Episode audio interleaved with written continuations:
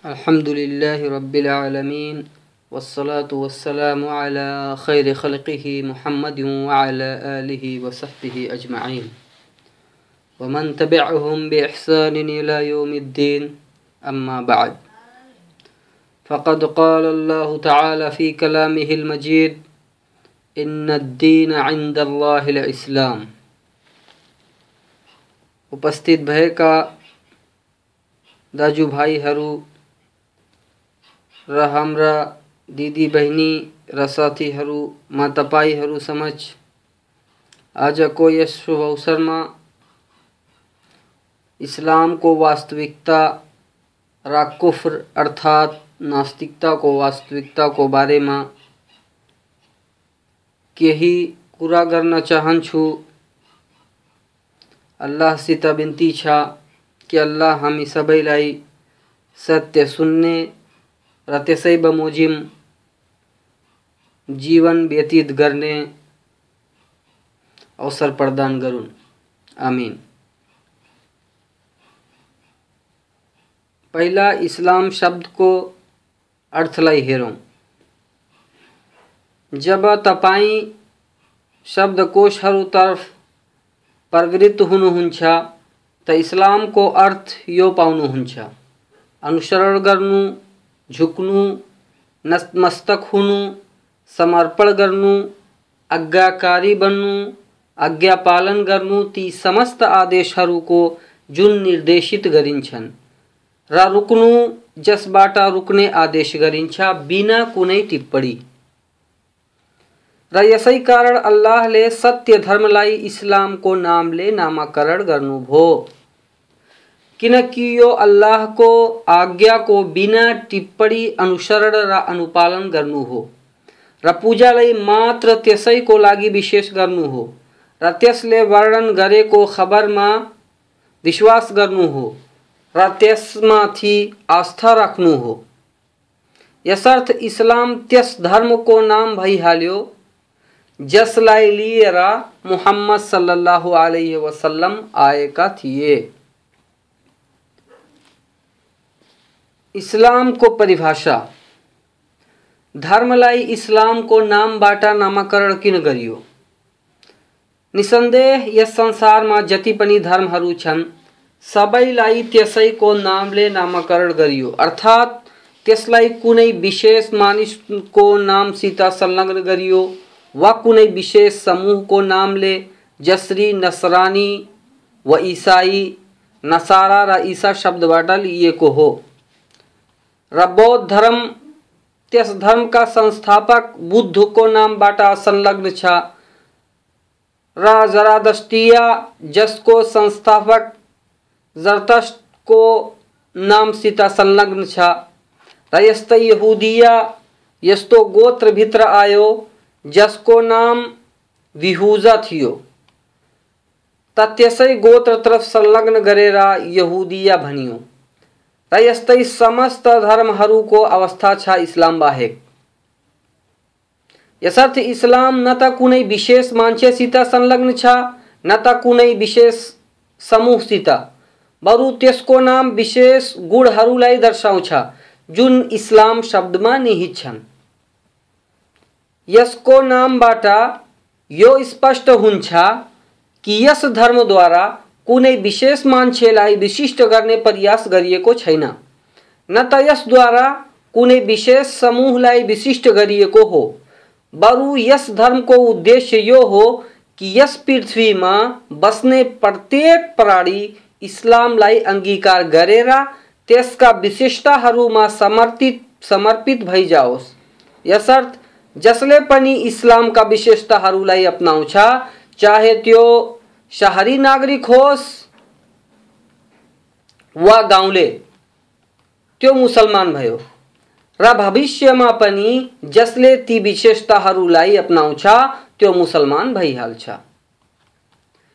इस्लामको वास्तविकता के हो भने, यो कुरो सबैलाई थाहा छ कि यस ब्रह्माण्डमा भएका समस्त कुराहरू एउटा निर्धारित व्यवस्थापन र आधारमा गतिशील छन्।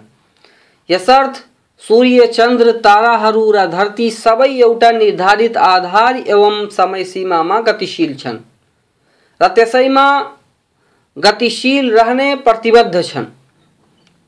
त्यसबाट न त एक कड यताउता हुन सक्छन्, न त एकछिन अगाडि पछाडि निस्कन र अस्त हुन सक्छन्। यहाँसम्म कि यदि मनुष्य स्वयं आफूमाथि विचार गरोस्, त त्यसको लागि यो प्रश्न भइहाल्छ कि त्यो आफै पनि अल्लाहले निर्धारित गरेको कानुनसित प्रतिबद्ध छ। र त्यसै अगाडि नतमस्तक छ। त त्यो श्वास लिँदैन, र महसुस गर्दैन, र पानी भोजन शीतलता, र गर्मीको आवश्यकता महसुस गर्दैन, तर त्यो कानुनको आधारमा जसलाई अल्लाहले त्यसको जीवनको लागि निर्धारित गरिदिएको छ।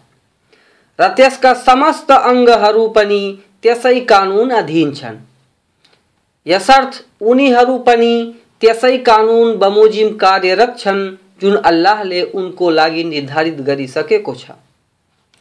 त परिपूर्ण व्यवस्थापन, जसमाथि गतिशील रहनुमा यस ब्रह्माण्डका समस्त कुराहरू बाध्य र विवश छन्, र कोही पनि त्यस व्यवस्थापनको उल्लङ्घन गर्दैन चाहे त्यो आकाशको विशाल ग्रह होस् वा बालुआ को सानो कण।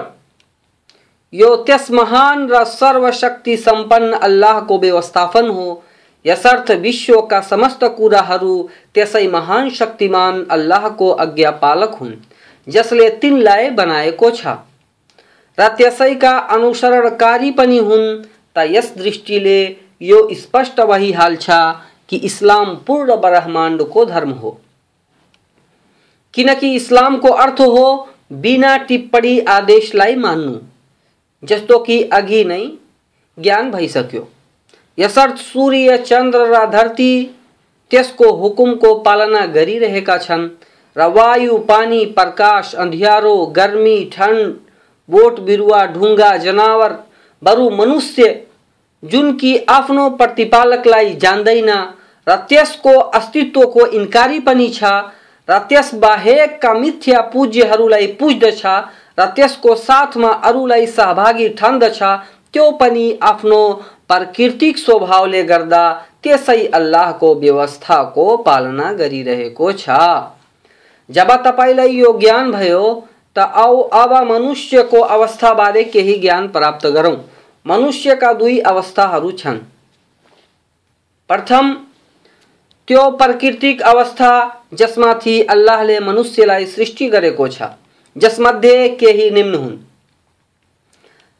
अल्लाहको लागि नतमस्तक हुनु, त्यसलाई मन पराउनु, त्यसको उपासना गर्नु, त्यसको समीपता चाहनु र ती समस्त वस्तु र कार्य र कर्मसित प्रेम गर्नु, जससित अल्लाह प्रेम गर्छ जसरी सहायता भलाइ न्याय आदि।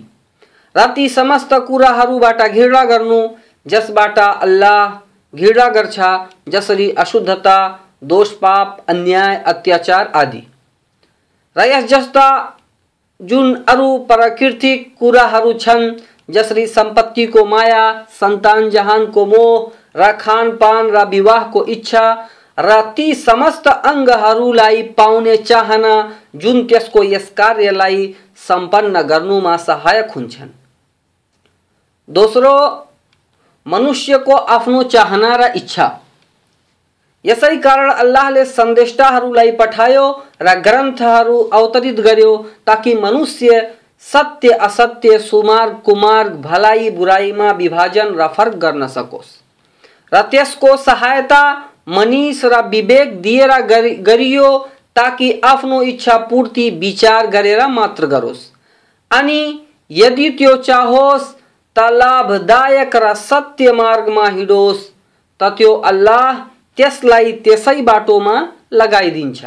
अर्थात् त्यसको लागि त्यही बाटो सुसाध्य गरिदिन्छ।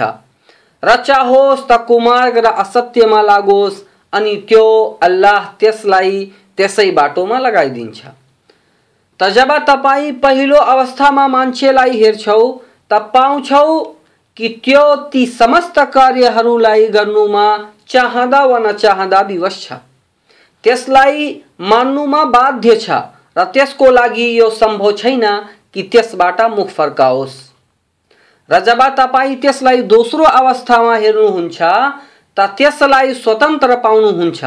त्यो जे चाहोस् गरोस्, यसर्थ त्यो चाहोस् मुसलमान भइजाओस् वा काफिर र नास्तिक।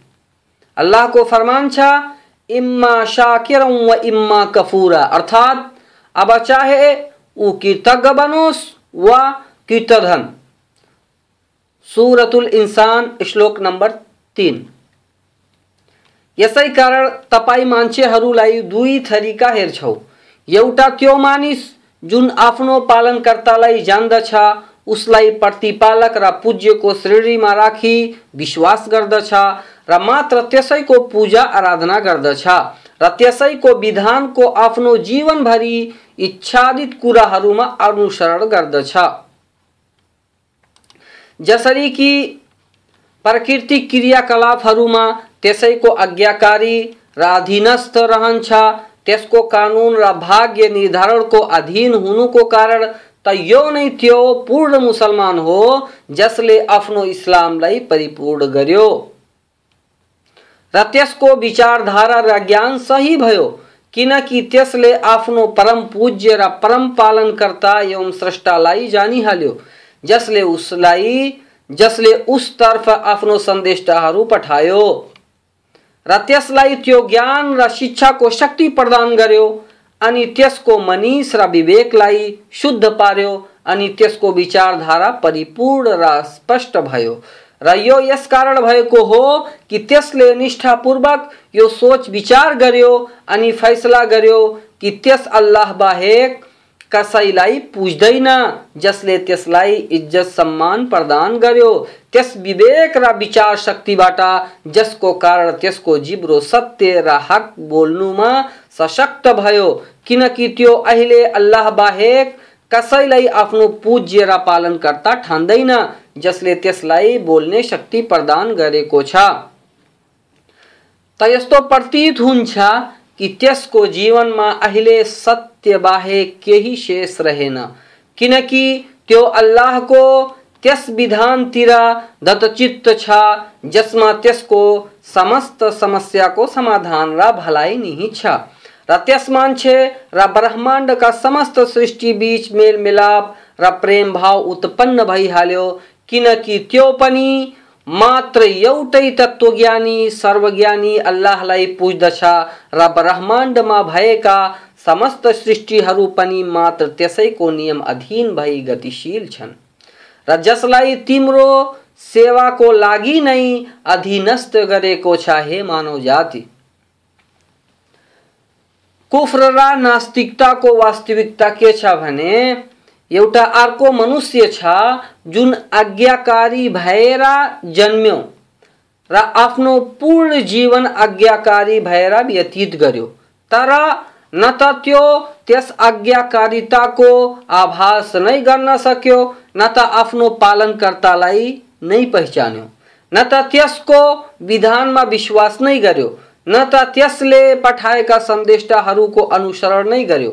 तसर्थ, त्यस परम पूज्यको अस्तित्वको इन्कारी भयो र त्यसको पूजा गर्नुबाट अहङ्कार र अटेरी गर्यो र त्यसले अल्लाहका ती विधान र क्रियाकलापबाट मुख फर्कायो, जसमा त्यसलाई संसारीय जीवनमा स्वतन्त्रता प्रदान गरिएको थियो वा त्यसले आफ्नो परम पूज्यको साथमा कसै अरूलाई साझीदार बनायो। र त्यो ती समस्त चिन्ह, प्रमाण र चमत्कारहरूबाट मुख फर्कायो, जुन अल्लाहको एकत्वमाथि सङ्केत र प्रमाणीकरण गर्थे। त यो मान्छे नै काफिर नास्तिक हो किनकि कुफरको अर्थ हो लुकाउनु, ढाक्नु, छोप्नु, आवरण हार्नु। र अरबी भाषामा भनिन्छ कि कफरा दिरउहु बेसौबिही अर्थात् जब मान्छे आफ्नो सुरक्षा कवचलाई आफ्नो लुगाले माथिबाट छोपोस् त यो वाक्य भनिन्छ अर्थात् यस्तो मान्छेलाई काफिर भनिन्छ किनकि त्यसले आफ्नो प्राकृतिक स्वभावलाई अज्ञानता र मूर्खताको वीरकोद्वारा छोप्यो।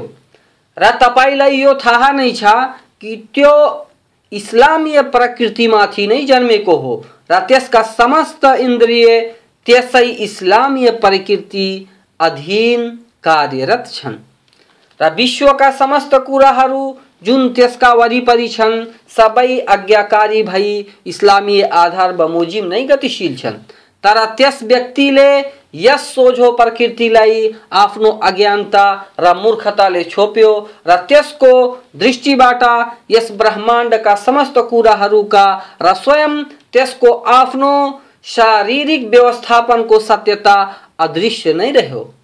तसर्थ, तपाईँ त्यसलाई हेर्नुहुन्छ कि त्यो सोझो प्रकृति विरोधी कुरा नै सोच विचार गर्छ र त्यसलाई मात्र त्यो कुरा नै देखिन्छ जुन यस विपरीत छन् र त्यो त्यही कार्य गर्छ जुन यस प्रकृति प्रतिकूल छ। त तपाईँमाथि यो अनिवार्य छ कि तपाईँ आफ्नो जिउको आफै सम्मान गर र त्यस पदभ्रष्टता र स्पष्ट भ्रममा नपर जसमा काफिर पर्यो।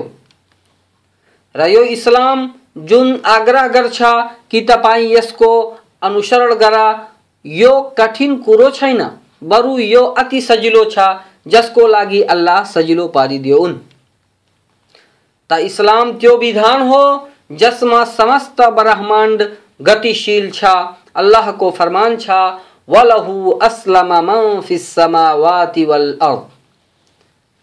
अर्थात् सबै आकाशहरू र पृथ्वीका सबै प्राणीहरू अल्लाहको आज्ञाकारी हुन्छन्। सूरत अल इमरान, श्लोक नंबर तिरासी।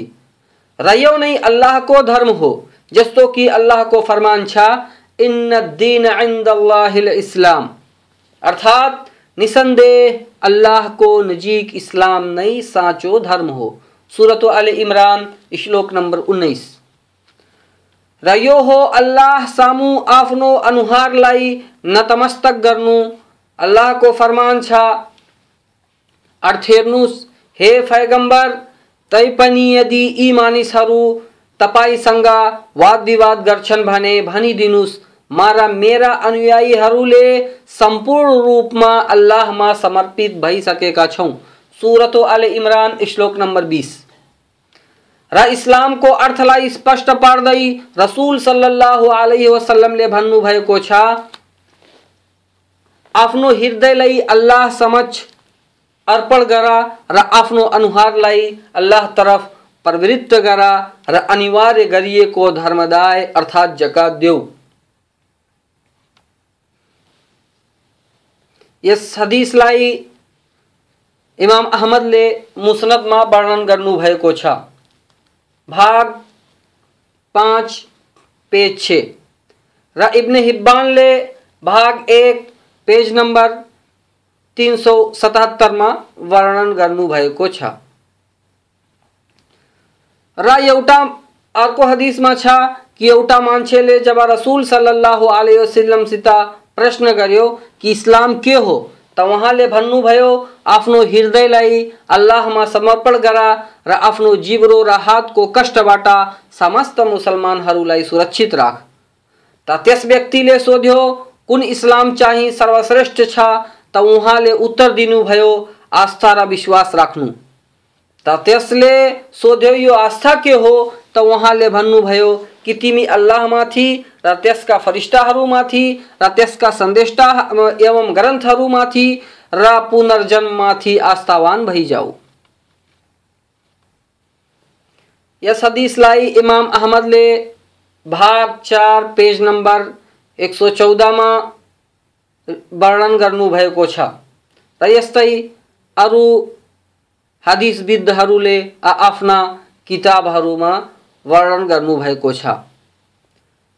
र अर्को ठाउँमा रसुल सल्लाह अलैहि वसल्लमको भनाइ छ, इस्लाम यो हो कि तिमी गवाही देऊ कि अल्लाह बाहेक कोही सत्य पूजनीय छैन र मुहम्मद सल्लल्लाहु अलैहि वसल्लम अल्लाहका सन्देष्टा हुन्। र नमाज़ कायम गर, र जकात दिँदै गर र रमज़ान महीनाको उपवास बस, र अल्लाहको घरको यात्रा गर, यदि तिमीमा यसको सामर्थ्य छ। र अर्को हदिसमा रसुल सल्लमले भन्नुभयो मुसलमान त्यो हो जुन आफ्नो जिब्रो र हातको कष्टबाट समस्त मुसलमानहरूलाई सुरक्षित राखोस्। यस हदिसलाई बुखारीले अर्थात् मुस्लिमले पनि बुखारी र मुस्लिम दुवैले वर्णन गर्नुभएको छ। र यो इस्लाम त्यो धर्म हो जसबाहेक अल्लाह कुनै अर्को धर्म स्वीकार्ने छैनन्। न त विगतका मान्छेहरूबाट, न त भविष्यमा आउनेहरूबाट। किनकि समस्त सन्देष्टाहरूको धर्म इस्लाम नै थियो, जस्तो कि अल्लाहका यी भनाइहरू हेर्नुहोस्। अल्लाहको फरमान छ, अर्थ र तपाईँले उनीलाई नुहको कथा पढेर सुनाइदिनुहोस् जब उनले आफ्नो समुदायसित भने, हे मेरा कौमका मानिसहरू, यदि तिमीलाई तिमीहरूको माझमा मेरो बसाई र अल्लाहका आयतहरूबारे स्मरण गराउनु नराम्रो लाग्दछ भने, म त अल्लाहमाथि नै भरोसा राख्दछु। तिमीले आफ्ना साझेदारहरूसँग मिलेर आफ्नो उपाय गरिहाल। तिम्रो उपाय तिम्रो कष्टको कारण नबनोस् अनि त्यो काम मेरो सम्बन्धमा गरिहाल र मलाई समय नदेऊ। फेरि पनि यदि तिमीले विमुख नै हुन्छौ भने मैले तिमीबाट कुनै पारिश्रमिकता मागेका छैन। मेरो पारिश्रमिकता मात्र अल्लाहसँग छ र मलाई आदेश दिइएको छ कि म मुसलमानहरू मध्येबाट रहँ। सुरत युनुस, श्लोक नम्बर इकहत्तर, बहत्तर।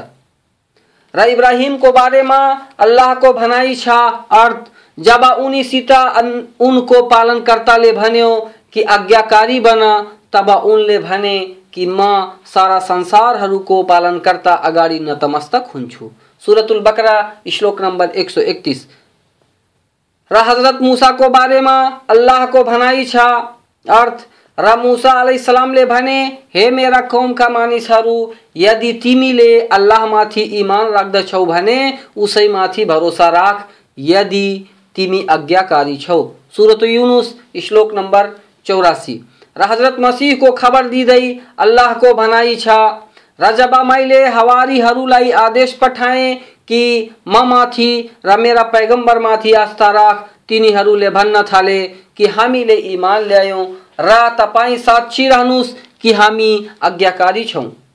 सुरतुल माइदा श्लोक नम्बर एक सौ एघार र यो इस्लाम धर्मले आफ्ना सिद्धान्त र निर्देशनहरूलाई वहिएको मार्फत नै प्राप्त गरेको हो, अर्थात् कुरान र हदिसबाट र यसको बारेमा केही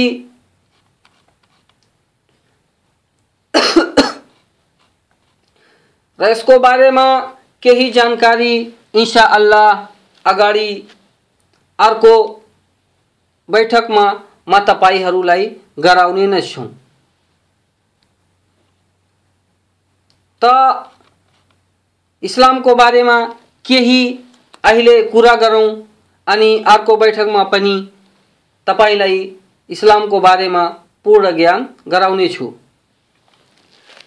इस्लामका मूल तीन आधारहरू छन्। र यस्तै त्यसका मूल दुई स्रोतहरू छन्। सामान्यतया समस्त मिथ्या र असत्य धर्मका धर्मावलम्बीहरू पैतृक पुस्तकहरूलाई नै सद्भाव र सम्मान दिन्छन्। जुन पुस्तकहरू अति प्राचीन युगहरूमा लेखियो र जसको वास्तविक लेखकको पनि पत्ता छैन। र न त त्यसको अनुवादकको बारेमा कुनै ज्ञान छ। न त यो नै थाहा छ कि कुनै, कुन युगमा ती पुस्तकहरू लेखिए। बरु त्यसलाई यस्ता मान्छेहरूले लेखेका हुन्, जुनमा उस्तै स्वार्थ दुर्बलता र कमी कमज़ोरी एवं बिर्सने सम्भावना थियो जस्तो कि समस्त मान्छेमा हुन्छ। र रह्यो कुरो इस्लामको, त यो आफू बाहेक सबैबाट यस कुरामा भिन्न छ। किनकि त्यो सत्य स्रोतहरूमाथि आधारित छ। र त्यो स्रोत हो ईश्वरीय प्रकाशना, अर्थात् कुरान र हदिस। जसको परिभाषा इन्सा अल्लाह अर्को बैठकमा म तपाईँहरू समक्ष राख्नेछु।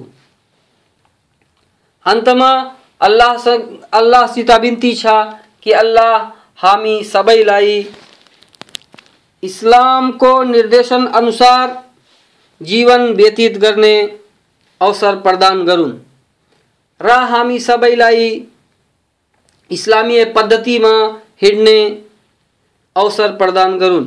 आमिन।